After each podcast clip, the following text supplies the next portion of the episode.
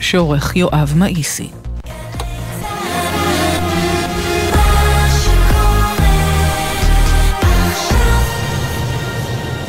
בחסות הפניקס סמארט, המעניקה שלושה חודשים מתנה בביטוח מקיף לרכב. כוכבית 5432, או חפשו הפניקס סמארט בגוגל. כפוף לתקנון המבצע, הפניקס חברה לביטוח בע"מ. עכשיו בגלי צה"ל, עמית תומר ושי ניב, עם החיים עצמם. מה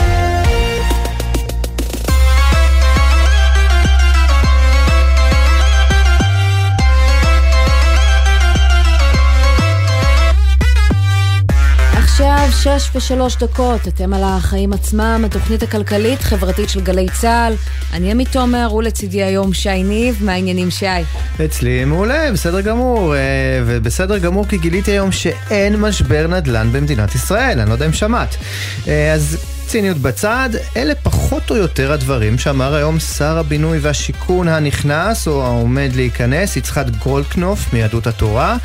במפגן של ניתוק די מרשים הייתי אומר. כן, אז אנחנו כאן כדי להזכיר לגולדקנופ שמחירי הדיור זינקו ב-20% בשנה האחרונה, מה שהופך עבור רוב הזוגות הצעירים את החלום לבית משלהם לכמעט בדיוני. אז תכף נדבר על זה עם שר הבינוי והשיכון הנוכחי, זאב אלקין, וגם עם יזם נדל"ן שיספר, דווקא בחברה החרדית, זאת שגולדקנופ אמור לייצג, המצב גרוע במיוחד, אנשים ישנים במחסנים.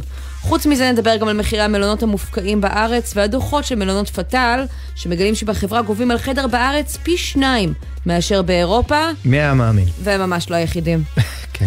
נגיע גם לקומבינת הנתבים, או הראוטרים באנגלית, של חברות התקשורת, שגורמות לנו הצרכנים לשלם יותר על מוצר בינוני, וגם אה, למה שנראה כמו הצהרה חדשה של פייסבוק באירופה. עכשיו רוצים למנוע ממנה לפרסם פרסומות בהתאמה אישית לגולשים, משהו שקורה מזמן פה אצלנו. בטח, זה תמיד נורא מלחיץ שהפיד שלי מוצף בדיוק בפרסומות למה שהתעניינתי בו, אפילו בלי, אתה יודע, שחיפשתי את זה בגוגל, אז אני ממש לא אתנגד להיפרד אה, כן. מתחושת האח הגדול. קצת קריפי. כן, ונסיים עם מיזם של השקעה חברתית בהפגת בדידות של קשישים, לא תרומה, השקעה שאמורה להיות מניבה. מסתבר שזה קיים, הפרטים בהמשך. לגמרי, אבל זה בסיום, ויש לנו עוד זמן עד שנגיע לזה. עמית, מה הכותרת שלך? אז הכותרת שלי היא הפיטורים ההמוניים בישראכרט, שמודיעה היום שהיא תיפרד מ-250 עובדים, 12% ממצב כלל העובדים בחברה, זאת במסגרת תוכנית התייעלות שתעבור החברה במהלך 2023.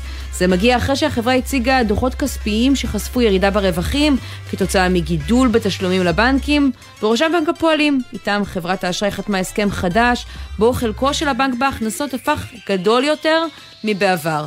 אז מי ילך עכשיו הביתה? לפי גורמים בחברה, נדמה שעיקר הקיצוץ יהיה בקרב המוקדנים, אלו שאחראים על השירות ללקוחות, כולל הפסקת ההתקשרות עם מוקדי שירות חיצוניים שהחברה נעזרת בהם כיום, וזה מעלה את השאלה האם את החיסכון של ישראכרט, שצפוי להפחית את ההוצאות השנתיות שלה בהיקף של כ-60 מיליון שקלים כתוצאה מגל הפיטורים, ישלמו בסופו של דבר לקוחות החברה, בשירות.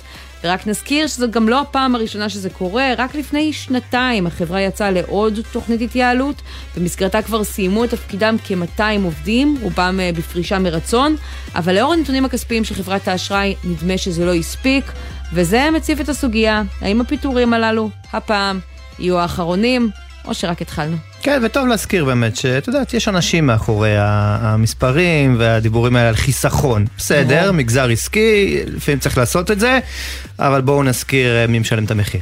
כן. טוב, אז הנה הכותרת שלי. ממשלה חדשה עדיין אין, אבל לפחות בשוק הנדל"ן כבר מרגישים את השינוי. מסתבר, כך לפי הדר חורש בדה מרקר, שברשות מקרקעי ישראל, רמ"י, החליטו כבר עכשיו להקפיא מכרזי ענק לשיווק קרקעות למגורים במערב קריית גת, מגורים שהיו מיועדים לציבור הכללי, שימי לב, בגלל ששר השיכון המיועד, יצחק גולדקנופ מיהדות התורה, ביקש להסב את האזור לשכונה חרדית. מדהים, לא? רשות ממשלתית מקפיאה מכרז לאור בקשה של מי שעדיין לא מונה רשמית לשר, וכך היום בעיר אחד שכונה שמיועדת לכולם, הופכת לשכונה למגזר אחד.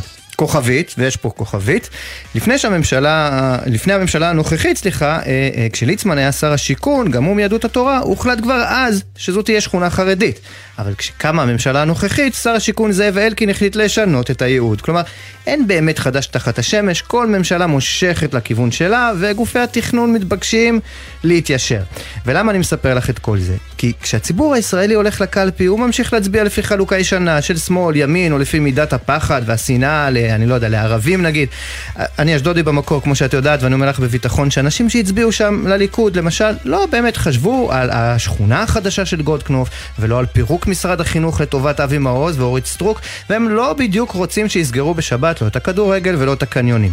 אבל כל עוד נצביע לפי כל הפחדים שזורעים בנו, גם מימין, גם משמאל, ולא על הנושאים שמרכיבים את מה שאנחנו פה קוראים החיים עצמם, נמשיך לקבל החלטות סקטוריאליות שלא באמת סופרות את רובנו. כן, ובזמן שהמשא ומתן הקואליציוני נמשך, יש עוד ועוד החלטות חדשות שמתקבלות וככה כל יום נופלות עלינו מחדש. נתעדכן בחדשות של היום?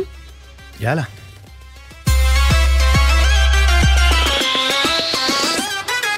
אז אנחנו באמת פותחים המשא ומתן הקואליציוני, אחרי שנתניהו חילק לציונות הדתית וחילק לעוצמה יהודית, הגיעה תורה של יהדות התורה, שזכתה בבחירות האחרונות לשבעה מנדטים, אבל אמש מתברר שתקבל תמורת כניסתה לקואליציה שמונה תפקידים, לא פחות. ועכשיו ראש הממשלה המיועד נתניהו מנסה להבין מה מהדייסה הזאת שהוא בישל ומפזר בימים האחרונים כל כך בנדיבות. נשאר בכלל לחברי מפלגתו. יובל שגב, כתבנו הפוליטי, אתה מצטרף אלינו עם העדכונים האחרונים על חלוקת התיקים בליכוד. שלום. שלום לכם, ערב טוב. אז באמת נמשכת אה, רכבת אה, חברי הכנסת בליכוד שמגיעים ללשכתו של נתניהו, מתחילים סוף סוף אה, לדון בחלוקת התיקים בתוך הליכוד, ונתניהו בעיקר בעיקר מקשיב לדברים שאומרים חברי הכנסת, זה הולך ככה בצורה כרונולוגית לפי סדר הרשימה, הסדר של הבחירות בפריימריז, עכשיו נמצא שם למיטב ידיעתי אבי דיכטר, ככה שכבר עברנו את העשירייה הראשונה. מחברי העשירייה הראשונה כולם הגיעו למיטב ידיעתי, חוץ מדודי אמסלם, לא כל כך ברור עדיין מאיזה אה, אה, סיבות, הוא באופן כללי לא היה כל כך בכנסת מאז אה, השבעת אולי הוא מודד חליפה לתפקיד יושב ראש הכנסת, שמעתי שזה ככה הדיבור החדש. זה דבר שלגמרי אפשרי אה, שיקרה, הוא אחד מהמועמדים. יש כל מיני אנשים, גם בלשכת נתניהו, גם במשפחת נתניהו, גם בליכוד, שמנסים לדחוף את המועמדות הזאת. נתניהו, החשש העיקרי שלו, כמו בהרבה מהלכים, צריכים להגיד, במשא ומתן הקואליציוני הזה, זה מביקורת ציבורית מאוד חריפה שתהיה על מהלך כזה, בגלל הסגנון, האופי של דודי אמסלם וכולי, אבל כן יש הרבה אנשים בסביבתו שתומכים אה, במינוי הזה, למרות שכמובן יש עדיין מועמדים אה, אחרים גם לשם. כן, מצעד, אה, הייתי אומר מצעד אה, הפירורים אולי, לא? הם מקבלים אה, חלקיקים של משרדים בחלק מהמקרים, אגפים כאלה ואחרים שנאלצו לנדוד לשותפות הקואליציוניות. אתה מזהה שם איזשהו מתח במפלגה? תראו, יש מתח, יש מתח אה, קודם כל לגבי אנשים שחשבו שהם יקבלו תיק בכיר בדמות תיק החינוך, וכבר מדברים על זה שלא נשאר ממנו הרבה מאוד מהאגפים והחלקים המשמעותיים של המשרד הגדול והמשמעותי הזה, ולכן יש קצת פחות מוטיבציה אולי לקחת אותו, לא שיש אנשים שנאבקו על התיק הזה לצערנו אה, בשיניים, וגם באופן כללי, אם אנחנו מסתכלים, משרד החוץ די ברור שהוא יהיה או אצל דרמר, או אצל אה, אוחנה, או אולי אולי אצל ישראל כץ, גם תיק המשפטים מאוד ברור, יושב ראש הכנסת המועמדים מצומצמים, ולכן בתפקידים הגדולים האחרים, נסתכל לצורך העניין כלכלה, תחבורה וחינוך, יש משהו כמו אה, שבעה מועמדים על שלושת התיקים אה, אה, הללו, וכל אחד בטוח שהוא זה שצריך להיות וכולי, אז יש הרבה מאוד מתח, גם ממה שנשאר מאותם משרדים, וגם ממי שבכלל יכולים לקבל אותם. כן, בואו נדבר על מה שאנחנו כבר יודעים, התפקידים שתקבל יהדות התורה, התפקידים הרבים במסגרת הסיכומים הקואליציוניים איתה. נכון, הם ממשיכים את הסטנדרט, צריך לומר, של המפלגות האחרות, גם של סמוטריץ', גם של בן גביר, שקיבלו תפקיד לכל חבר כנסת, אז uh, בראש הרשימה כמובן גולדקנופ, שיהיה uh, שר uh, שיכון עם הרבה מאוד uh, השפעה, תיק uh, גם כלכלי, גם חברתי מאוד גדול. גפני שחוזר לוועדת הכספים, אורי מקלב שיקבל שני תפקידי סגן שר, גם במשרד ראש הממשלה, עם סמכויות בפיתוח החרדי, גם uh, סגן שר במשרד התחבורה, שזה היה מאוד חשוב לו. פרוש שיקבל את שאריות משרד ירושלים, uh, ועדות ל... יעקב אשר את ועדת הפנים, שהיא גם ועדה כמובן מאוד חזקה, ועדת עבודה רווחה לאייכלר, ועדת מה זה אומר סמכויות בתחום הפיתוח, נדמה לי במקרה של מקלב במשרד התחבורה? אז זה אה, סוג של אה, אגף שמגיע אה, ממשרד לשוויון חברתי, למשרד שגם כן פורק לחלוטין, צריך לומר, אה, אה, ונוגע לפיתוח של רגע, המגזר פורק, החרדי. אבל הוא יישאר, או שהם גם אה, מבטלים משר- משרדים בממשלה הזאת? אני כרגע עוד לא שמעתי שמוותרים ומפרקים לחלוטין את המשרד לשוויון חברתי, למרות שבאמת לא נשאר שם אז אה, במשרד כמעט כלום. התחבורה שמה, שיעסוק בעצם בתחבורה למגזר החרדי? עם יותר נגיעה שם, עם נגיעות גם בתחבורה ציבורית, שגם כמובן אה, פופולרית הרבה יותר אצל החרדים אה, מאשר בציבור הכללי, אם נסתכל על הממוצע. היה לו מאוד חשוב בהשפעה שם, שוב, זה גם מאוד תלוי אם יהיה השר שהוא מתנהל מולו בתוך הליכוד, עד כמה הם יוכלו לעבוד, זה באופן כללי רל- רלוונטי לסגני שרים, ולמיטב ידיעתי עוד לא נכנסו בדיוק למה הסמכויות שמקלב יקבל בתוך אה, משרד התחבורה, מתוקף תפקידו כסגן שר, אני מאמין שזה באמת יותר בעולמות האלה שרלוונטיים לציבור שלו. כן, יובל שגב, כתבנו הפוליטי, תודה רבה על העדכון אה, הזה. ושי, יש מי שככה כבר אה, מתרגל לתפקיד החדש שמיועד לו, אני מדברת על אה, גולדקנופ, שר הבינוי והשיכון המיועד. הוא מדבר היום בוועידת החדשנות של מרכז השלטון המקומי, ונשאל איך הוא מתכוון לטפל במשבר הדיור, זינוק במחירים של 20% בשנה אחת, מוטרד? ועונה תשובה מפתיעה, תשמע. מדברים איתי כל הזמן על משבר ומשבר ומשבר. אני לא הכרתי קודם את משרד השיכון, ככה שאני לא יודע שיש משבר בענף הזה. אני רואה שבונים בארץ, אני רואה שיש בעם ישראל רצון לבנות. אני שומע מכולם שהתוכניות מוכנות וצריכים רק לצאת לבנייה. כן, אני לא מכיר את uh, מה שקורה במשרד השיכון ואני לא יודע שיש משבר uh, דיור. אלו עיקרי הדברים של גולדקנופ, האיש שבעוד רגע אמור להיות מי שיפתור uh, את הבעיה הזאת. הוא רואה שבונים. יש, איך אמר אה, נתניהו פעם, אני רואה מנופים, אני רואה... הכל טוב. כן, זה גרם לרבים להרים היום uh, גבות, אתה יודע, אנשים שמחפשים היום uh, דירה וגם מחירי השכירות, בטח מחירי הדירות לקנייה, uh, מרקיעי שחקים ונראים כמו חלום uh, רחוק. מי שבאמת מתמודד עם זה בשטח מכיר את הבעיה הזאת היטב, אני לא חושבת שיש כאן מקום לפרשנות. אחת מהם ששוחחנו איתה זאת חנה, בת 24, מרמת גן. נשמע את הדברים? שלום, שמי חנה כהן, במקור מאופקים, גרה בשכירות ברמת גן. מחירי השכירות עולים ולא מאפשרים לחסוך כסף לרכישת דירה. כדי לרכוש דירה צריכים לפחות הון התחלתי של 25% מעלות הדירה. למעט זוגות צעירים יש את הסכום הזה. המצב הזה שכל המשכורת משמשת לשכירות ומזון גורמת לכך שאין אפשרות לצאת מהמעגל הזה ולחשוב כיצד לקנות דירה. כן, וזה באמת אה, ככה רק דוגמה אחת אה, לבעיה של אה, רבים, ואנחנו רוצים לדבר בעניין הזה עם שלום שטיינברג, שמאי מקרקעין ומומחה לנדל"ן במגזר החרדי. שלום. שלום, שלום. אז תגיד, יכול להיות שזאת בעיה רק של המגזר החילוני, עניין של הבועה התל אביבית, וככה זה לא הגיע לידיעתו של גולדקנופ שיש משבר דיור? אני אגיד לכם, אני שמעתי את הנאום של, את ה, מה שהיה היום בפאנל עם גולדקנופ, זה היה 16 דקות. הוא אחר כך הבהיר שהוא מתכוון לה, שהוא לא מכיר את משרד השיכון בעבר, בעבר בוודאי שיש משבר, אבל בעתיד לא יהיה משבר כי הוא הולך לפתור את המשבר. משהו אז שלא שמענו אף פעם מאף אחד, מה הוא מתכוון לעשות אה, לדבריו, אם ככה שאף אחד אה, מקודמיו בתפקיד אה, לא, לא הצליח? אני לא יודע, אני לא הדובר שלו, אני רק אומר שכששמעתי, אז שמעתי גם שהוא אומר שבוודאי יש משבר דיור מאוד גדול, והוא מכיר המון אנשים שגרים במחסנים. אני, אני, אני אגיד אעשה, לכם, אני אעשה. לשניכם ספוילר, הוא, הוא בטח אמר שהפתרון נמצא בצד של ההיצע. שמעת את זה פעם? אה, כן, מכמה וכמה אה, קודמים בתפקיד. אגב, זה באמת אה, נכון לעיתים, לשחרר אבל... אה, קרקעות, לבנות יותר, בקצב מהיר. רק אני ששמענו אגיד את ככה, כולם אני עושים אגיד את זה. ככה, בוודאי, אין, אין ספק שאנחנו נמצאים במשבר דיור אולי החמור בתולדות ישראל, יותר מ-100 אלף דירות חסרות בגירעון מצטבר, ויש גם גירעון שנתי שהולך ומצטבר כל שנה ושנה, כי אפילו את הצורך השנתי השוטף אין לנו. אה, הבעיה היא, כמו שאתה אומר, בהיצע, וכשמאי מקרקעין, אה, אני מכיר את זה, קודם כל אני מכיר את זה כי אני, אה, אה, אה, כשמאי מקרקעין שחי טוב את המגזר החרדי ועושה שומות כל יום באזורים חרדיים בארץ. אה, אנחנו רואים המון אנשים שגרים במחסנים, אנחנו רואים אנשים שגרים חמישה או ארבעה משפחות באותו בית, באותו בית, משלמים ביחד חשבון חשמל ביחד מים, ביחד ארנונה, אנחנו רואים את זה בביתר עילית, רואים את זה בבית שמש. אז בואו נדבר רגע באמת על, על הקושי הזה, ובאמת אנחנו רואים את זה, וגם כמובן שאת הצפיפות, כי אצל החרדים הקושי הוא הרי, הוא כפול, זה לא רק שהמחירים, אה, אה, המחירים בשמיים וההכנסה של רובם אה, נמוכה, אלא העובדה שבמגזר החרדי הם צריכים לגור, למשל, במקום שבו בית הכנסת של החסידות המאוד מסוימת תהיה במרחק הליכה סביר. נכון. צריך שהשכונה תהיה במרקם גת. מסוים. כן, הגובה של הבניינים צריך להיות, זאת אומרת, יש פה, אה, אה, אה, אפרופו היצע, ההיצע מוגבל מאוד כשמייצרים גם את כל המגבלות האלה, ואיך השאלה באמת איך מתמודדים עם זה. נכון, אז מקודם דיברתם על קריית גת, על שכונה שהפכה לפי כל שר שיכון לקחת את זה למקום שלו.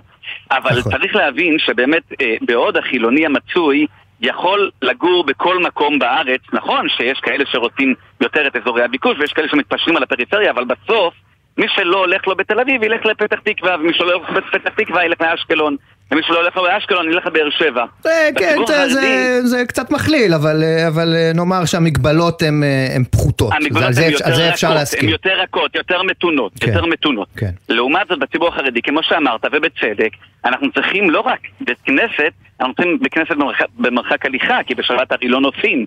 אז צריך שהבית כנסת יהיה במרחק של עד עשר דקות הליכה, רבע שעה הליכה, כמו שאמרת, גובה בניינים והרבה מאוד פרמטרים, אה, מרפסות סוכה, הרבה מאוד פרמטרים. ואז בעצם המיקומים הספציפיים שהחרדים גרים בהם הם מחויבי המציאות, הם לא יכולים, אין להם את האלטרנטיבה ללכת לכל מקום, הם צריכים ללכת באזורים שלהם ולכן באמת הקושי הוא כפול ומוכפל ואנחנו רואים את התוצאה, אנחנו רואים שמשפחות, נכון שגם, ב, כמו שהיא אמרה, בבועה התל אביבית אנחנו רואים גם אנשים שגרים במחסנים, אבל בדרך כלל מדובר בסטודנטים, באנשים בודדים, לא, לא במשפחות.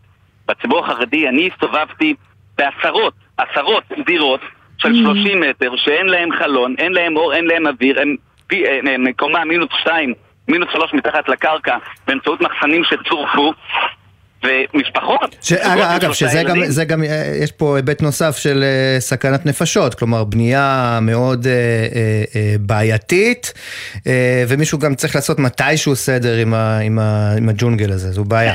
נכון, אבל אני, אני מסכים לחלוטין. אגב, אנשים שמתייעצים איתי, אני. אני אומר, עדיף שתגורו בשכירות, תעשו כל דבר, זה לא. אבל צריך לזכור שגם אם אתה רוצה להילחם מבחינה חוקית, כי זה הרי גם עבירות חוק התכנון והבנייה, עדיין אתה צריך פתרון אחר, וכשאין שום פתרון אחר, כן. אז אנשים מגרדים על הקירות. פשוט אין ברירה. תגיד רגע, אה, אבל בעצם כשאתה אומר שהבעיה הזאת היא כל כך בוערת במגזר החרדי, עד כדי כך שאנשים מגיעים למצב הזה אה, שתיארת, נשאלת השאלה, האם אה, ככה, מה שנקרא, ראש מפלגת יהדות התורה, לא אמור להיות יותר מודע לענייני הנדל"ן ולמה שקורה במשרד השיכון, משרד שנזכיר, הוא לוטש עליו עיניים כבר לא מעט זמן, בעבר גם התבטא ואמר שהוא רוצה להיות שר האוצר, כלומר אלו תחומים שהוא אמור כבר להיות בקיא בהם ומוביל אותנו לפתרון הבעיה. תראה, אני לא איש פוליטי, אני איש מקצוע, אני שמאי מקרקעין וזה מה שאני עושה ביום-יום, אבל אה, יש הרבה ביקורת על גולדקנופ בתוך המגזר החרדי, והרבה מאוד אנשים לא הצביעו הפעם מיהדות התורה בג- בגלל גולדקנופ. ספציפית בעניין הזה אני חושב שתפסו אותו במילה, הוא לא התכוון לזה, שמעתי כמו שאמרתי 16 דקות, אני חושב שהוא הבהיר אחר כך את כוונתו, להיתפס על מילה, תשמעי, תשמעי, הוא גם חדש בפוליטיקה, הוא לא תמיד יודע בדיוק מה אומרים ומה לא אומרים. אה, ובאיזה צורה מתבטאים. אני לא חושב שהוא חושב שאין אה, משבר. אה, יש לו משפחה גדולה, יש לו ילדים, נכדים, יש לו אחיינים. כולם נמצאים במשבר מאוד גדול, בהחלט משבר גדל. כן, טוב, שלום שטיינברג. כן. אני רק רוצה להגיד, בלי קשר למגזר החרדי, בנק ישראל כרגע עושה מגבלות חדשות על המשכנתאות. וצריך לזכור, אני, אני גם איש מימון אה, המון המון שנים, צריך לזכור, זה נחמד להגן על הבנקים, וזה נחמד לדאוג לכלכלה המוניטרית, והכל נכון. בסוף בסוף יש בני אדם שצריכים דירות. ולעשות עוד ועוד החמרות ועוד ועוד, ועוד מגבלות, אנשים נתקעים עוד יותר ועוד יותר. שלום שטיינברג, שמאי המקרקעין ומומחה לנדל"ן למגזר החרדי, תודה רבה על הדברים האלה. תודה רבה. הוא מצטרף אלינו בעניין הזה, זאב אלקין, שר הבינוי והשיכון היוצא מהמחנה הממלכתי, שלום. שלום, ערב טוב. ערב טוב, שמעת היום את הדברים של אה, תכף השר אה, גולדקנופ? כן, ראיתי אותם בתקשורת, כלומר לא הייתי שם בכנס. עד כמה אתה מוטרד מזה בתור מי שעומד תכף להעביר לו את המפתחות? אני אגיד לך, פחות חשוב מה הוא אומר, יותר חשוב מה הוא יעשה. ובואו נעשה סדר. כמובן שיש משבר דיור, כן, אני לא יודע איפה צריך לחיות כדי לא לדעת שהמחירים עלו פה בכמעט 20% בשנה האחרונה וגם כדאי לדעת למה זה קרה, כן, אחרת זה יחזור על עצמו שוב. והתרשמת ו... שהשר גולדקנופ לא יודע את זה? אני לא יודע, אני לא יודע מה המשמעות של האמירה הזאת. יכול להיות שאתם צריכים עוד שעה בחפיפה ביניכם. אני הצעתי לו כבר מזמן לשבת כמה שהוא רוצה, כי בסוף האינטרס פה הוא כלל אזרחי מדינת ישראל, זה לא משנה קואליציה או אופוזיציה, הזוגות צעירים צריכים דירות, וכל זמן שהוא צריך ממני אני אקדיש לו כדי שהחפיפה תהיה כמה שיותר אה, חלקה ונכונה. אז ישבתם? אני בא... אני לא, עוד לא, עוד לא ביקש, אני הצעתי לו, אמרתי לו שאני לרשותו בשנייה שהוא יבקש, בלי לחכות להקמת הממשלה ולטקס הרשמי. כל mm-hmm. זמן שנדרש, אני שם בשבילו, וכמובן... בינתיים הוא לא הרים את הכפפה, מעניין. אה, כרגע הם עסוקים במשא ומתן קואליציוני ובחלוקת מדינת ישראל אה, לטיפונדיות וגזרות והעברות פירוקי משרד לא, החינוך. לא, כי גולדקנופ כן אומר היום בנאום שלו, יש לי אנשים במשרד השיכון שכבר נמצאים שם, יהיו לי גם יועצים. על מה הוא מדבר? אני לא יודע. יש אנשי מקצוע מעולים במשרד השיכון, נכנסו לשם בתקופות של שרים שונים. אני לא מכיר שיש להם נאמנויות פוליטיות כאלה או אחרות, לפחות אף פעם לא שאלתי אותם, מאוד נהניתי לעבוד איתם. אנשי מקצוע מעולים, יש להם מחשבות, תוכניות, רעיונות, תמיד קיימנו שיח מאוד מאוד פתוח, לא באתי עם אמירה, אני יודע הכל, אני אגיד לכם מה צריך לעשות, אלא עם הרבה מאוד קשב לאנשי מקצוע, גם במשרד שיכון, גם ברשות מקרקעי ישראל. ובסוף בואו נדבר על העיקר. בדבר אחד גולדקנופ אגב צודק, יש הרבה בנייה בארץ, כן? צריך להגדיל את ההיצע. יש הרבה שיווקים. אנחנו בהגדלת ההיצע עשינו מהפכה, אני קיבלתי משרד עם 50 אלף שיווקים בשנה ואנחנו כבר שנה שנייה נגיע ל-100 אלף שיווקים בשנה, זה גידול פי שניים, אגב אפילו פי אחד וחצי מהשיא שהיה בתקופה של כחלון, קריטי לא לרדת מזה, אני מאוד מאוד מקווה שגולדקנופ לא ירד כי שוק נדל"ן הוא אכזרי, הרי למה הייתה עליית מחירים בשנה האחרונה? כי שנתיים לפני זה לא שיווקו, שיווקו מה שיווקו שליש פחות ממה שהיה בתקופה של כחלון, אז מיד כשאתה מקטין את ההיצע המחירים עולים. כן. אנחנו היום במקום אחר מבחינת ההיצע, אבל אסור פה לאבד את הכסף. זה דבר אחד, וזה המבחן העיקרי שבו שר שיכון הבא יימדד. הזכרת. השר אלקין, אתה הזכרת קודם את, את, את העובדה שהממשלה ככה מתגבשת אה, עסוקה אה, אה, בפירוק של אה, משרדי אה, ממשלה. אה, אה, זו טעות מה שהם עושים? אתה מתנגד לפיצולים אני האלה? אני חושב, ש... אני חושב שכל בר דעת כשמסתכל מה קורה מבין את זה. תסתכל, משרד החינוך פיצלו אותו לארבע כרגע, עוד לא נאמרה מילה אחרונה. כן, אבל יכול... אבל... אצל... כן, אבל יכול לומר לך שכל בר דעת... חלק אצל אבי מעוז, חלק אצל אורית סטרוק, חלק אצל שר חינוך חדש שייכנס, ועוד פעם, עוד פעם לא נאמרה מילה אחרונה. כמו שאמרתי בדיון שהיה בכנסת. עוד מעט יצטרכו להקים עוד מעט יצטרכו להקים פה קבינט של שרי חינוך שיצטרכו לתאם ביניהם את העמדות. משרד ביטחון חילקו אותו לשלושה. סמוטריץ' יהיה שר ביטחון א', בן גביר יהיה שר ביטחון ב', כל מה שקשור אבל השר אלקין, אם הייתי אומר לך, ש... אם הייתי אומר לך שרוצים אה, לפצל אה, את אה, אה, משרד החינוך, להוציא את ההשכלה הגבוהה אה, ולהעביר אותו למשרד אחר, ואני יודע מה, להקים איזשהו משרד שנקרא משרד המים, אז היית אומר שכל בר דעת אומר שהשתגעו? לא, אני שומע את העקיצה, אבל דווקא תסתכל, זה בדיוק... נזכיר למאזינים, אתה היית לא, לא, השר לענייני השכלה הגבוהה והמים. ואני אגיד לך איך זה נעשה שם.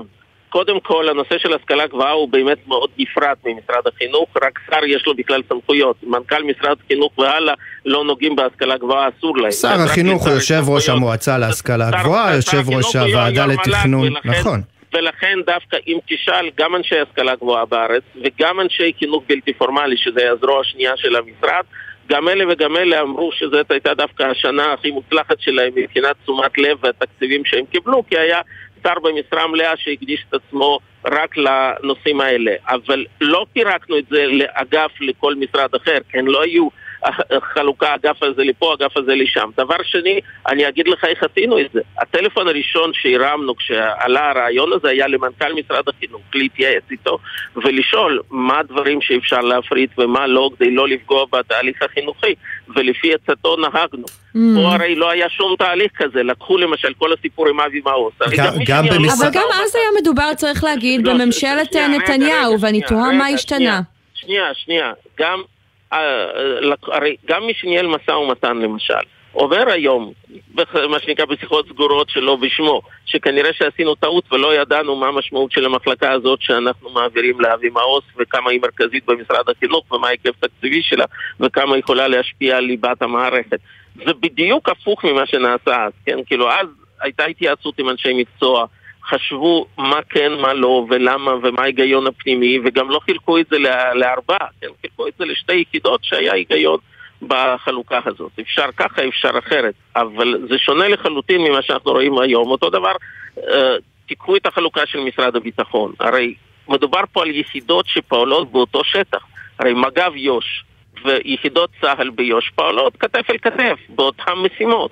עכשיו, אחד כפוף לשר אחד ואחר כפוף לשר אחר, איך זה בדיוק יעבוד? ובתווך עוד מנהל אזרחי שהוא כפוף בכלל לשר שלישי. אבל עצם, אבל תשמע, אולי, אולי, אולי זה בסוף, בכל אופן, בהינתן העובדה שזו שיטת המשטר הנוכחית אה, בישראל, זו הדרך לייצר פה יציבות פוליטית, ומי כמוך לא, אה, לא, שועל פוליטי ותיק יודע, שזו כנראה הדרך להרכיב ממשלה יציבה. דווקא כמי שהרכיב דווקא כמי שהרכיב פה לא מעט ממשלות והיה בתהליכים האלה, זה בדיוק לא הדרך, משתי סיבות.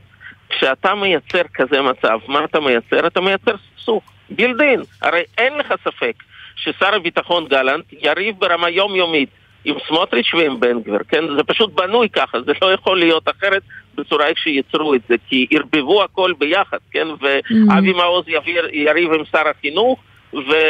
וחוזר, ואורית סטרוק, וחוזר חלילה. וכל זה ילווה אותנו, זה בדיוק הפוך מהיציבות, מהמשילות. הרוטציה במשרד האוצר, אנחנו מדברים עכשיו בהקשר הכלכלי, הרי כל אחד מבין שכששני שרי אוצר מתחלפים באמצע הקדנציה, עם עמדות הפוכות ב-180 מעלות בתפיסה הכלכלית שלהם. אז השר אלקין, אני רוצה לסיים את השיחה הזאת איפה שהתחלנו אותה, עם כל מה שאתה מתאר בגזרת משרד האוצר ובגזרת משרדים נוספים. אפשר לפתור את משבר הדיור בקונסטלציה הזאת? אני חושב שחובה לעבוד, כי זה בסוף, זה בשבילנו, זה בשביל הזוגות הצעירים שלנו, ולכן שני דברים הכי מרכזיים שצריך פה להשגיח להם. אחד, שקצב הבנייה לא ירד, כן, מבחינת ההיצע, mm-hmm. אסור לעצור אפילו לרגע, והשני, זה תוכניות לזוגות צעירים. ופה אני מאוד מוטרד, כי זה מה שקרה, כשכחלון עזב את משרד האוצר, בוטל מחיר למשתכן, ובמשך שנתיים לא היו דירות מוזלות כמעט לזוגות הצעירים. אנחנו הגזרנו את זה בהיקף גדול מאוד, כמעט 30 אלף יחידות דיור השנה יגיעו לזוגות צעירים בהנחה של מאות אלפי שקלים על חשבון המדינה. אסור שזה ייעצר, הרי יש פקידים באגף תקציבים שחולמים לעצור את זה, ואין לי ספק שאפילו לחצים על השר החדש לעצור את זה בכל מיני פיתויים שיציעו לו. אה, וחלופות ומה שמעניין אותו וכולי וכולי. זה יהיה אסון גדול לזוגות צעירים אם היכולת הזאת לקנות דירה בהנחה של מאות אלפי שקלים תיעלם ומשרד השיכון יפסיק לעשות את ההגרלות. כי אם לא יעצרו את זה, רק שתבינו מה המספרים, mm-hmm. כבר תוכניות שהתנענו עכשיו, כן, לא צריך לעשות משהו חדש, יביאו אותנו למצב ששני שליש מזוגות צעירים שנרשמו להגרלות וזכאיות, אין להם דירה והם רוצים לקנות דירה בהנחה, שני שליש עד סוף שנה הבאה יש להם את הזכות הזאת לדירה. כן. וזה יהיה uh, למעשה טעות uh, ובכי לדורות אם לא ניתן לזה לקרות. זאב אלקין, שר הבינוי והשיכון היוצא, מחנה הממלכתי, תודה רבה על הדברים האלה. תודה, תודה רבה וערב טוב. ערב טוב. אנחנו יוצאים לכמה הודעות, ואז נדבר על מחירי המלונות שמרקיעים שחקים, והמכה החדשה שבדרך לפייסבוק, שעשויה לתרום לנו, המשתמשים, כבר חוזרים.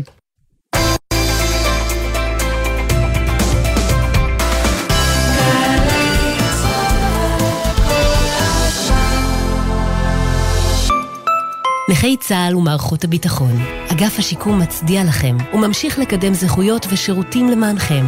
הרחבנו השנה את סל ההטבות ללימודים אקדמיים. הקמנו בית בטוח ובית מאזן למתמודדים עם פוסט-טראומה, הזיקוקים לסיוע נפשי, ושיפרנו את השירות באתר. תוכלו להזמין בו תרופות, לבקש החזרי הוצאות, להגיש בקשה להכרה כנכי צה"ל, להזמין תור ביישומון ועוד.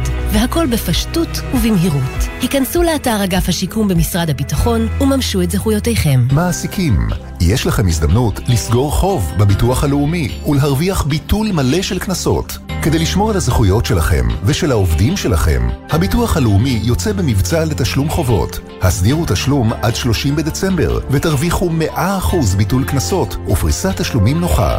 לפרטים, היכנסו לאתר הביטוח הלאומי. ביטוח לאומי לצדך ברגעים החשובים של החיים. הורים יקרים שלום, מדבר יוסי בן שמחון, ראש ענף הבטיחות בדרכים בצה"ל. במשך כל השבוע אנחנו מתאמצים לשמור על הבנים והבנות שלכם, כי בטיחותם חשובה לנו. סוף השבוע בפתח והם בדרכם הביתה. הם יצאו לבלות, להתאוורר, לנקות את הראש, ואנו מבקשים מכם לעזור להם לעבור את זה בבטחה כדי שיוכלו ליהנות גם בשבוע הבא. טיפ מהיר שכדאי להכיר. בחורף מכוונים את פתחי יציאת האוויר של המזגן כלפי מטה לפיזור יעיל יותר של האוויר החם. מתייעלים וחוסכים. איתכם בכל רגע, חברת החשמל. קוטנר, מה קורה? הכל טוב. תאמין לי, אתה כמו יין. משתבח עם השנים, אה? לא, שלא יודעים מה לבחור. נכנסתי אתמול לעוד גל"צ. מצאתי שם גם את הסדרות המדהימות שלך, על אריק איינשטיין, על הביטלס מלפני לא יודע כמה שנים, וגם את הג'ם מהשבוע. באמת התלבטות קשה.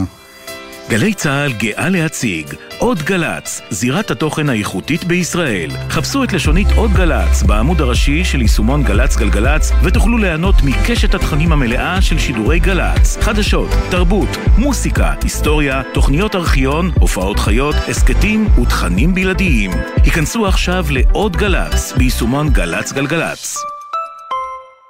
עכשיו בגלי צה"ל, עמית תומר ושייני עם החיים עצמם. חזרנו, אנחנו נשארים עם יוקר המחיה ורוצים לדבר עכשיו על מחירי המלונות בישראל. זה לא סוד שהם יקרים, אבל כל פעם מחדש אנחנו רואים את הנתונים ונזכרים ומתעצבנים בעד כמה. ואתמול היו הדוחות הכספיים של פת"ל שמתפרסמים ומגלים שהחברה גובה על חדר בישראל פי שניים מבאירופה בממוצע, ואיתנו בעניין הזה הדר קנה, כתבת דה מרקר, שלום. שלום, ערב טוב. אז הדר, תני לנו את המספרים. אז ככה, על פי אה, נתוני הדוחות שלהם, הם עשו באמת מחיר ממוצע של חדר במלון בישראל, לעומת חדר במלון באירופה, והם גם הפרידו את בריטניה ואירלנד. מלון, מלון באירופה, באותה רשת, כלומר של פתאל, נכון? של פתאל, נכון. זה... יש קצת הבדלים, אני אעמוד עליהם טיפה אחר כך, אבל כן, בממוצע חדר בישראל עולה 1,146 שקלים. אה, לעומת אה, אירופה שזה 502 שקלים, כלומר פי 2.2, שזה הפרש ממש משמעותי. יש לו המון הסברים, אם תרצו אני אתן לכם אותם. כן, כלומר אנחנו משווים פה אבל תפוחים מול תפוחים, כלומר לצורך העניין גם כאן יש ארוחת בוקר וגם שם, או שיש הבדלים משמעותיים?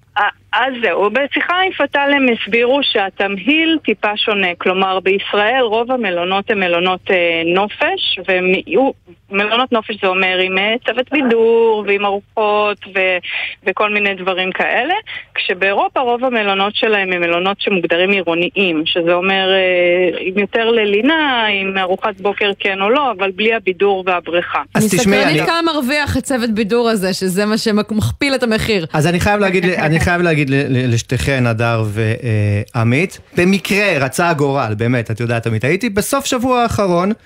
במלון עירוני, כמו mm-hmm. שבפתל מגדירים אותו, ויצא גם שהמלון שייך למה לעשות, רשת פתל. Opa. זה לא כזה מסובך, כי הרבה מהמלונות שייכים לרשת פתל. ולא היה במלון אה, בריכה ולא צוות בידור, זה באמת מוגדר מלון, אה, נקרא לזה מלון אה, עסקים, מלון זה. אלף שקלים, אלף וקצת, אלף חמישים, כולל ארוחת בוקר, שזה בדיוק... עשרות שקלים פחות מהממוצע. זה בדיוק, נכון, זה הממוצע, וזה כפול שתיים מחיר אה, אה, באירופה, ולכן זה מקומם כהסבר שלהם פשוט לא נכון. אדר, ובואי נסתכל נכון. רגע טיפה יותר רחב מרשת פתאל, כי, כי בעצם זה נתון אחד שמספר סיפור יותר גדול שאנחנו כבר מכירים. מחירי המלונות בישראל מאוד מאוד יקרים, וזה לא רק הסיפור של רשת פתאל, נכון? נכון, ברור. המלונות בישראל מאוד יקרים. עכשיו, כל פעם שאנחנו... עכשיו, כשאנחנו אומרים פתל פי שתיים, לפעמים אנחנו מוצאים גם הפרשים של פי שלוש, ארבע וחמש, כן? אז זה איזשהו ממוצע. עכשיו, הם, המלונאים הישראלים תמיד אומרים, אבל יוקר המחיה בישראל הוא גם אלינו. אנחנו צריכים לשלם דברים שבחו"ל לא משלמים. כלומר, אצלנו יש כשרות, אצלנו יש אבטחה יותר גדולה. אצלנו יש הרבה בירוקרטיה, משלמים יותר על חשמל ומים, יש להם הרבה תירוצים, אבל בסופו של דבר, בשורה התחתונה, גם אם מסתכלים על כל הדברים האלה, ההבדל הזה של הפי שניים, הוא, הם גוזרים ממנו רווח. הרי זה לא, זה לא שהמלונאים לא מרוויחים. דוחות פטל אה, הראו לנו שהם מרוויחים יפה, ברבעון האחרון הם עשו רווחים מאוד גבוהים, והם לא הרשת היחידה שמרוויחה, ישרוטל, כל ישרוטל עם. הדיבידנדים הגבוהים, אחרי המענקים העוד יותר גבוהים שהיא קיבלה בקורונה, נזכיר. נכון. Uh, תראי, המענקים בקורונה היו מוצדקים באיזושהי צורה, כי הם באמת היו סגורים uh, תקופה. אבל כן, אחרי שהם היו סגורים, הם נפתחו מחדש, הם הפקיעו מחירים, והדיבידנדים uh, זורמים, כמו שאומרים. Uh, זה לא מלונות שצריך לרחם עליהם. כן. ולכן...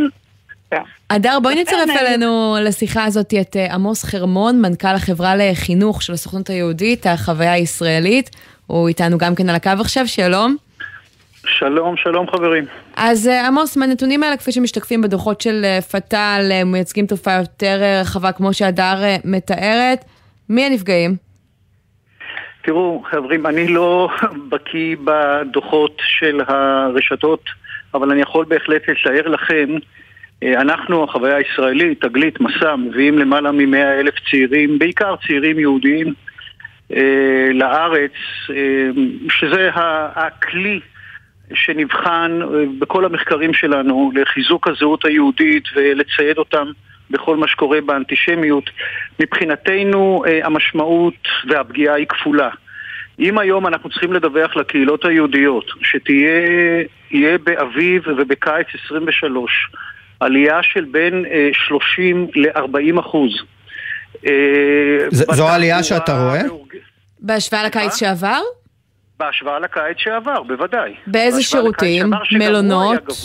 בעיקר בתי המלון, מסעדות, תחבורה מאורגנת, כוח אדם, אלה תווי תקן שאנחנו מכשירים אותם, שנשלחו בתקופת הקורונה, כמו שאתם זוכרים, לחפש עבודה אחרת ולעבוד בשמירה. כלומר, אתה מרגיש שהמחירים שגם ככה יקרים בשגרה בישראל, מחירי התיירות, מזנקים בעשרות אחוזים בחודשים האלו? בעשרות אחוז... אה, אה, חבר'ה, אנחנו קיבלנו הצעות מחיר שהעברנו אותן לקהילות היהודיות. הם לא כן. יהיו מסוגלים, ואני מדבר על קהילות בצפון אמריקה, ואני מדבר על נוער וצעירים שחשוב לנו ברמה החינוכית והערכית להביא אותם, הם לא יאבדו מזה. אבל כמה זה שונה מעליית. המחיר שאנחנו רואים אה, בחו"ל? זה, זה, זה עשרות מונים יותר מאשר העלייה בחו"ל. אני לא מדבר כבר צודק. על ארצות הים התיכון, אני לא מדבר כבר על ארצות הים התיכון, שאני לא מדבר על תיירות חינוכית, זה ההכנסה הגבוהה ביותר שיש.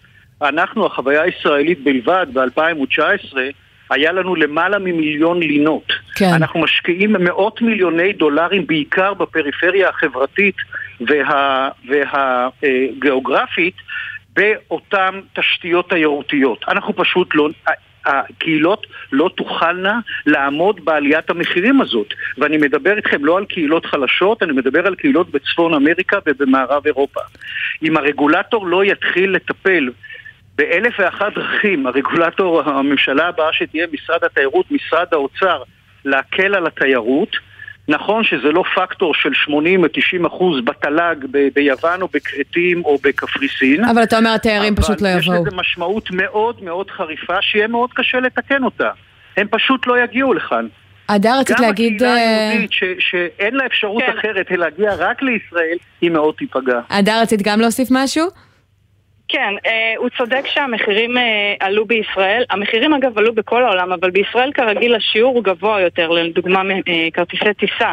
אה, בעולם הם עלו באיזה שיעור ממוצע של אה, 20%, בישראל זה כבר מגיע לפעמים גם כן מחיר כפול, אה, 30, 40, 50 אחוז. אה, בישראל איפשהו תמיד זה עולה קצת יותר מהעולם, אה, והוא צודק גם שהתיירים פחות מגיעים, כי אה, התיירות יחסית בעולם חזרה לעצמה, אה, את יודעת, יש מדינות ככה ומדינות אחרות, אבל בישראל התיירים עוד לא חזרו. אה, בטח לא בהשוואה לנתוני 2019. אז הוא צודק בשני הדברים שהוא אומר. שורה תחתונה, משלמים יותר מראש, וגם כשמשלמים עוד, אצלנו משלמים יותר תוספת. הדר קנה מדה מרקר, עמוס חרמון מהסוכנות היהודית, מנכ"ל החברה לחינוך, תודה רבה ששוחחתם איתנו. תודה לכם. תודה לכם.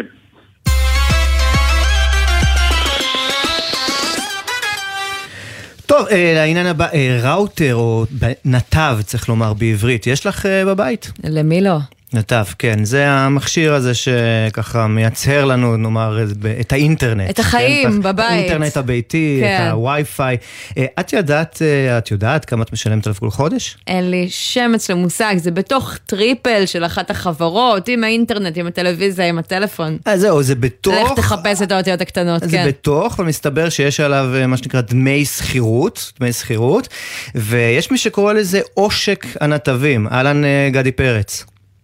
שלום שלום, ערב טוב. מוותיקי הכתבים בתחום התקשורת, הטלקום, אה, אה, יותר נכון. למה זה עושק? תסביר לנו פה את העניין הזה.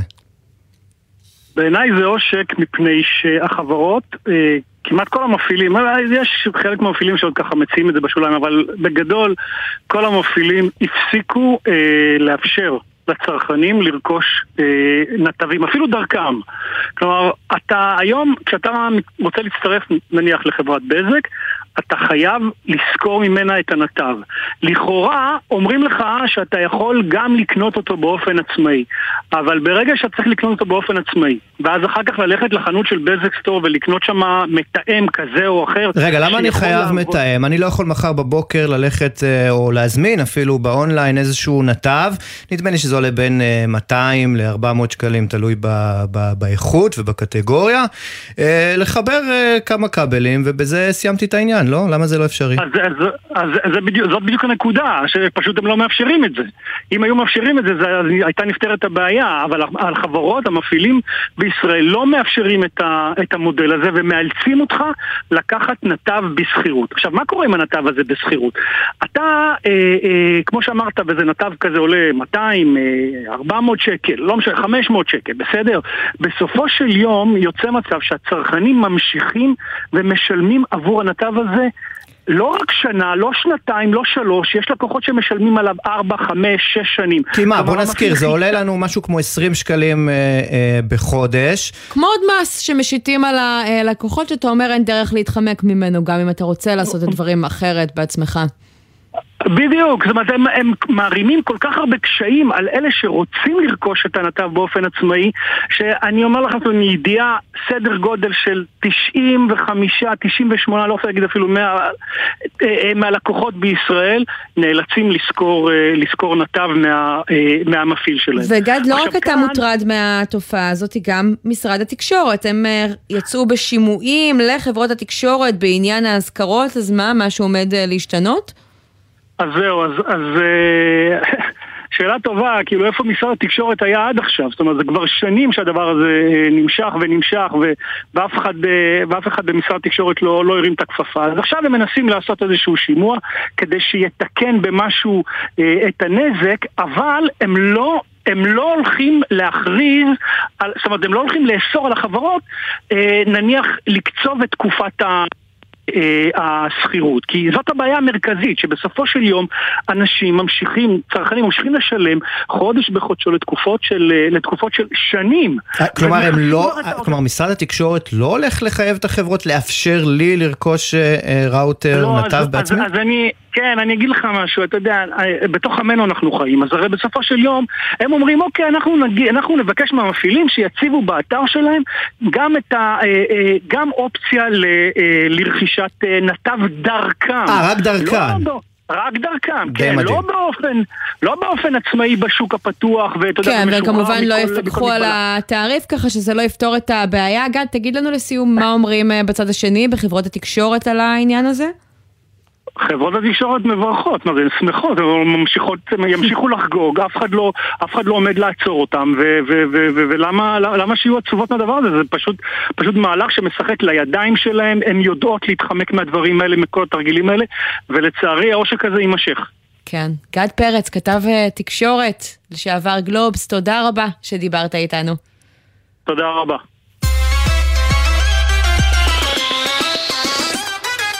ועכשיו אנחנו למכה החדשה שנוחתת על פייסבוק מכיוון האיחוד האירופי, אחרי ששיחקו שם עם הגדרות הפרטיות של החברה, מסמנים את היעד הבא, הפרסום המתורגת באופן אה, אישי, ורוצים למנוע אה, מענקית הטכנולוגיה אה, להמשיך להתנהל ככה, אה, דבר שישפיע על הפיד של כל אחד מאיתנו, ואנחנו רוצים לדבר בעניין הזה עם תהילה שוורץ אלטשולר, שלום. שלום, שלום, ערב טוב. ערב טוב, את מומחית למשפט וטכנולוגיה במכון הישראלי אה, לטכנולוגיה. תספרי לנו קצת אה, ככה כמה קודם כל התופעה הזאת תהיה נפוצה, היא הרי לא קורית רק בפייסבוק. זה נכון, בואו נדבר שנייה על מה קרה באמת אה, ב, אה, באיחוד האירופי. אה, בשנת 2018 נכנסו לתוקף תקנות הגנת המידע האירופיות, שהן בעצם חקיקת הפרטיות החשובה ביותר של הדור שלנו. למה? מפני שראשית, זאת חקיקה שלא חלה רק באירופה, היא חלה על כל אזרח האיחוד האירופי בכל מקום שבו הוא נמצא. אמ, והדבר השני שהופך אותה למאוד חשובה, אה, הוא שהרבה מאוד מדינות העתיקו אה, דברים אה, דומים של החקיקה הזאת, הודו, ברזיל, מדינת קליפורניה בארצות הברית, קנדה ועוד. אמ, לכן כל החלטה כזאת של האיחוד האירופי, גם אם היא תחול רק כרגע באיחוד, יש לה חשיבות מאוד מאוד מאוד רחבה. תגידי, זה, לא, זה לא קצת ניסיון לבלום את ה... נאמר, את הקדמה? את יודעת, אני זוכר לפני שנים, אה, אה, אה, שמחה סיגן, זכרו לברכה, מומחה לשיווק, סיפר איך בעתיד אנחנו כולנו ניכנס לסופרמרקט, ומוצרים מסוימים פשוט יבלטו לנו במדפים לפי היסטוריית המשתמש. זה, זה מה שעושים לנו עכשיו באונליין, ברשתות, מזהים בעצם את תחומי העניין שלנו ומציעים לנו פרסומות. אולי זה דווקא כלי אה, יעיל. מצוין, ואז אומר האיחוד האירופי היום, אנחנו רוצים שאתה תחליט ותגיד אם אתה מעוניין בזה או לא. מה שקרה בעצם הוא שלפני שנכנסו התקנות האלה, תקנות הגנת המידע, ה-GDPR האירופי לתוקף, אה, מה שהיה מאוד מאוד חשוב זה שתתקבל הסכמה שלנו לכל דבר כזה, וה-GDPR מאוד מאוד חיזק, הוא אמר, ההסכמה היא לא סתם הסכמה, היא חייבת להיות נורא בהירה, צריך להסביר לך בדיוק על מה אתה מסכים, מה ההשלכות של זה, בסוף אתה צריך להגיד כן או לא מסכים, אוקיי? מה שעשתה פייסבוק עם כניסת התקנות האלה לתוקף, היא העלימה את כל בקשת ההסכמה הזאת, ובעצם הכניסה את מה שהיא עושה עם הפרסומות המתורגתות לתוך תנאי השימוש שלה. כלומר, היום אתה לא צריך להסכים או לא להסכים לזה שיעקבו אחריך עם הרבה מאוד קנה מידה על האישיות שלך, כן. עד רמה של האם אתה מתבגרת עם חוסר ביטחון, כן? זה העומק של מה שיודעים עליך היום. אמ, וה, והדבר הזה בעצם יוצר מצב שבו אה, אנחנו אפילו לא יכולים להסכים או לא להסכים למה שעושים עלינו. זה מה שמאוד הרגיז את התובעים אה, שכבר הגישו את התביעה שלהם ב-2018. אה, הם הגישו אותה בעצם לנציבות הפרטיות באירלנד, והסיבה לזה היא כמובן שההנהלות של כל חברות הטק הגדולות באירופה נמצאות באירלנד. אמרה נציבות הפרטיות באירלנד, האמת, זה בסדר גמור מבחינתנו. הם ערערו למועצה של האיחוד האירופי בנושא אה, תקנות הגנת המידע, והמועצה הזאת מוציאה החלטה דרמטית, היא אומרת בחזרה לנציבות האירית, תקשיבו, אתם צריכים לקנוס את מטא, את פייסבוק, על מה שהיא עשתה גם בפייסבוק, גם באינסטגרם וגם בוואטסאפ, על זה שבעצם היא לא שאלה את המשתמשים אה, מה... אה, כן. אה, מה הם רוצים. עכשיו, יש איזשהו לכם. ניסיון, אני חייב לשאול אותך, אה, אה, יש איזשהו ניסיון לייצר איזה שהן מגבלות כאלה כאן בארץ? מישהו דואג לזה? בשבילנו הציבור? אז אני אגיד רק משפט אחד עוד על התקנות האירופיות. התקנות האירופיות מאפשרות לתת קנסות עד 4% מגודל המחזור של מטה העולמית. זה מיליארדים. בסדר? כן. זה הדבר שכאילו הוא כל כך מעניין פה. אפשר לתת פה אה, קנסות פשוט, אה, אה, קנסות פשוט אדירים. והדבר הזה...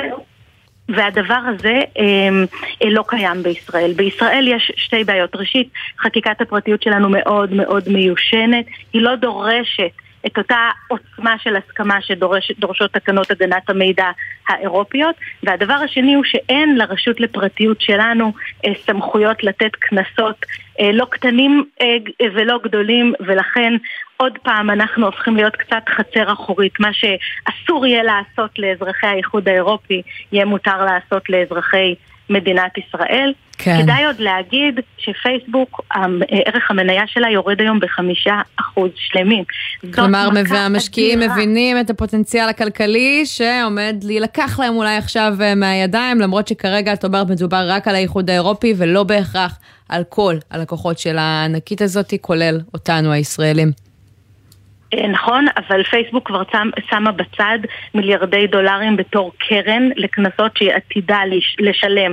אה, בשנה האחרונה אה, נציבות הפרטיות האירית, כמו גם... מה, אפשר גם בדיעבד לחייב אותה לשלם קנסות על כך שהיא תרקדה לנו פרסומות, או שאם האיחוד האירופי יעצור את זה, זה. יהיה מעכשיו? לא, לא, הסיפור פה הולך להיות מ-2018, חוזר ל-2018 לכניסת תקנות הגנת המידע לתוקף, ותחשבו על זה שכאשר רשות הפרטיות האירית תכריז על זה, זה יפתח גם פתח להרבה מאוד אכיפה פרטית, כלומר, לתביעות ייצוגיות. כן. שיגישו אנשים פרטיים אה, נגד החברות האלה. לכן הדבר הזה באמת מעמיד בסימן שאלה את כל הפרקטיקה שלפיה פייסבוק היום מטרגטת, היא תצטרך לבקש מאיתנו הסכמה פוזיטיבית. הניסיון מלמד שכשמבקשים מאנשים הסכמה פוזיטיבית, שלושת כן. רבעי מסרבים. תהילה שוורץ אלטשולר, פייסבוק ממשיכה אה, להסתבך ואנחנו נמשיך לעקוב. תודה רבה על הדברים האלה. להתראות. להתראות. שי, אתה יודע מה זה אג"ח חברתי? הוא מסובך, אגרות חוב, כן. שהם למטרה חברתית, חיובית, נכון? ואנחנו משקיעים בעצם במשהו, דבר טוב, שמייצר איזשהו שינוי ומקבלים איזושהי תשואה עם הפרויקט הזה. בדיוק, לא מתקדם. מדובר בפילנטרופיה, אלא מדובר באיזה שהם מהלכים, מהלכי מנע הרבה מאוד פעמים שאפשר לעשות מראש כדי למנוע איזושהי בעיה שעולה לנו כסף, זה קורה הרבה בבריאות אה, ולא רק, אה, ואפשר אה, בעצם ככה לממן מראש איזושהי פעילות מניעתית, ואם אכן היא תחסוך כספים, הכספים האלה יגיעו כתשואה אה, למשקיעים. בישראל עשו את זה בין היתר במיזם חברתי שבדק בעצם פרויקטים אה, להפיג בדידות של אה, קשישים, ובפעם הראשונה בישראל, ככה הם טוענים, פרויקט כזה מסתיים ברווח. אז איך הצליחו לחסוך כסף מהפגת בדידות של קשישים? בואו נשאל את קרן מורג, שלום. ערב טוב עמית, ערב טוב סמי. ערב אה, טוב. זה הי- מצוין. היום זה רק שי פה. היום זה שי פה איתי, אה, כן. אוקיי. אוקיי. אה, מנהלת פרויקטים ב-Social Finance Israel, רק נגיד, ומי שניהלה את המיזם הזה של אה, הפגת אה, לקשיחים- לקשישים באמצעות אה, אג"ח. ספרי לנו מה עשיתם. יופי, אז אני אגיד קודם כל ש-Social Finance Israel SFI, אנחנו חברה לתועלת הציבור, שאנחנו עוסקים ביישום של מודלים חדשניים שפותרים גם בעיות חברתיות אה, מורכבות, שיש להם גם אימפקט חברתי וגם אימפקט אה, כלכלי. אה, הפרויקט שאנחנו אה, הובלנו אותו בשיתוף עם מנהל השירותים החברתיים בעיריית תל אביב-יפו וקרן תל אביב, ובפיתוח אה, של התוכנית בסיוע קרן דליה ואלי הורוביץ, בעצם עסקה ואיך אנחנו מצליחים להפחית את הבדידות של הקשישים. זה היה פיילוט עם 200 אה, מתושבי תל אביב-יפו, כולם מוכרים לרווחה. למדנו מהמודל האנגלי שבעצם קידם את הנושא הזה. אה, וזה היעד שלנו, לנסות להפחית את הבדידות, כי אנחנו יודעים שהיום אה, בדידות פוגמת לא רק באיכות החיים של אה, הקשישים, כן. אלא יש לזה השלכות אז ישירות גם על 230 אה, בריאותם. אזרחים שמו כסף באופן עצמאי תמורת המטרה הזאת, מתי זה היה? מתי ככה נכון, מכרתם את האג"ח? התחלנו בעצם, התחלנו בפברואר 2021, בעצם ה-230 המשקיעים, זו, זו פעם ראשונה בעולם שאג"ח חברתית אה, מקודמת גם אה, בסיוע של אה, משקיעים כשרים, אבל גם בסיוע של אזרחים. כמה תשואה אה, הצלחתם להשיג למשקיעים האלה? כמעט שנתיים אחרי. אנחנו מעריכים שכתשעה אחוז. יפה. והמנגנון, כן, והמנגנון בעצם עובד כך שכשאנחנו מאתרים שיש איזושהי בעיה חברתית מורכבת, אנחנו עושים איזשהו מחקר מקדים, בודקים את ההיתכנות גם החברתית וגם הכלכלית. אנחנו מגייסים לכך משקיעים, בונים איזשהו מודל התערבות. היה, היה קשה לגייס משקיעים? איך זה? כלומר, אם היה צריך להסביר להם אה, מה זה אנשים שהם רגילים, אני לא יודע, להשקיע בנדל"ן לצורך העניין? אז יש, אז יש משקיעים שהם מה שנקרא משקיעי אימפקט, שהם רגילים אה, בעצם להשקיע בתוכניות שהם, רוצ, שהם רוצים בסופו של דבר גם לעשות טוב לאזרחים ולא רק אה, להרוויח מזה. כן, אה, אבל תגידי, מה עשיתם? איך הצלחתם לחסוך כסף אה, בבדידות? אז, אז אני אגיד, קודם כל כאן מי שהוביל את התוכנית זאת עמותת מטב שבעצם... אה, רק בואי אה, בואי לא תספרי לנו מומחיות שלה. במשפט, כי תכף ייגמר לנו הזמן. אוקיי, אוקיי, אז אנחנו בעצם ביצענו פה שתי פעולות התערבות, גם 200 אה, מתנדבים שסייעו לקשישים אחת בשבוע, באו אליהם, הגדרנו יעדים ומטרות אישיות לכל אחד ואחד מהם, כולם עברו הכשרה בעולם של ה-CBT. איך זה חסך הכנסנו כסף? פלטפורמה דיגיטלית, אז זהו, שבעצם אה, אה, כשאנחנו מונעים בדידות, אנחנו בעצם מצליחים לחסוך בצורה עקיפה בכל מיני פעולות שפוגעות בבריאות. לדוגמה, אנחנו יודעים שבדידות. פוגעת קרן, את שומעת את. הג'ינגלים ברקע, לצערי נגמר לנו הזמן, למרות שזה מרתק, אולי עוד נדבר על זה בהמשך. תודה רבה בינתיים. ונגיד תודה גם לכם, נתראה ביום בחסות ראשון. אייס, המציעה מבצע על מגוון הברזים המעוצבים מבית שגיב, בלי טיפת מע"מ. כולל חמש שנות אחריות. בסניפים ובאתר אייס. בחסות הפניקס סמארט המעניקה שלושה חודשים מתנה בביטוח מקיף לרכב. כוכבית 5432 או חפשו הפניקס סמארט בגוגל. כפוף לתקנון המבצע, הפניקס חברה לביטוח בע"מ.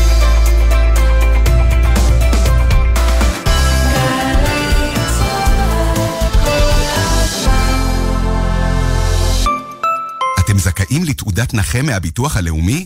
מהיום התעודה דיגיטלית. להורדת התעודה בקלות לטלפון הנייד, היכנסו לאתר הביטוח הלאומי. קל ופשוט. ביטוח לאומי לצדך, ברגעים החשובים של החיים. אתם מוזמנים להצטרף ליותר מ-50 אלף סטודנטים המשלבים את התואר במסלול החיים. האוניברסיטה הפתוחה, מובילים להצלחה. כוכבית 3500, ההרשמה בעיצומה. הופה כבר הגעת, הופה כבר הגעת, הופה כבר הגעת, הופה כבר הגעת. שלוש או שלושה ברכב, תפקחו את העיניים, יש נתיב פלוס, בכניסה לירושלים. הופה כבר הגעת, הופה כבר הגעת, הופה כבר הגעת, כבר הגעת. האוטובוס יותר מומלץ, מפקקי תנועה, עליתי לתחבץ, הנתיב פורץ, יחד זה חלום, לפקקים תאמרו שלום. נתיב פלוס, לתחבורה ציבורית או שיתופית, קרפול, מ-2 בדצמבר, גם בכביש אחת, ממחלף דניאל עד מנהרת הראל, בימי חול מ-6.5 עד 9.5 בבוקר, ובשישי מ-12 בצהריים עד 5 בערב. שלוש או שלושה ברכב, כדאי לנסוע יחד ולהגיע מהר. הופה כבר הגעת, הופה כבר הגעת, הופה כבר הגעת, הופה כבר הגעת. עוד מידע חפשו ברשת נתיב פלוס, משרד התחבורה. 32 נבחרות, צרפת, גרמניה, קרואטיה, ארגנטינה, ברזיל. שמונה בתים. ארבע שנים שחיכינו, ושתיים, שתיים וחצי בצהריים. גביע העולם בכדורגל 2022 בגלי צה"ל. עידן קבלר במעקב צמוד אחר המשחקים עם כל החדשות והעדכונים מקטאר. ראשון עד רביעי, שתיים וחצי בצהריים, גלי צה"ל. מיד אחרי החדשות, עידן קבלר.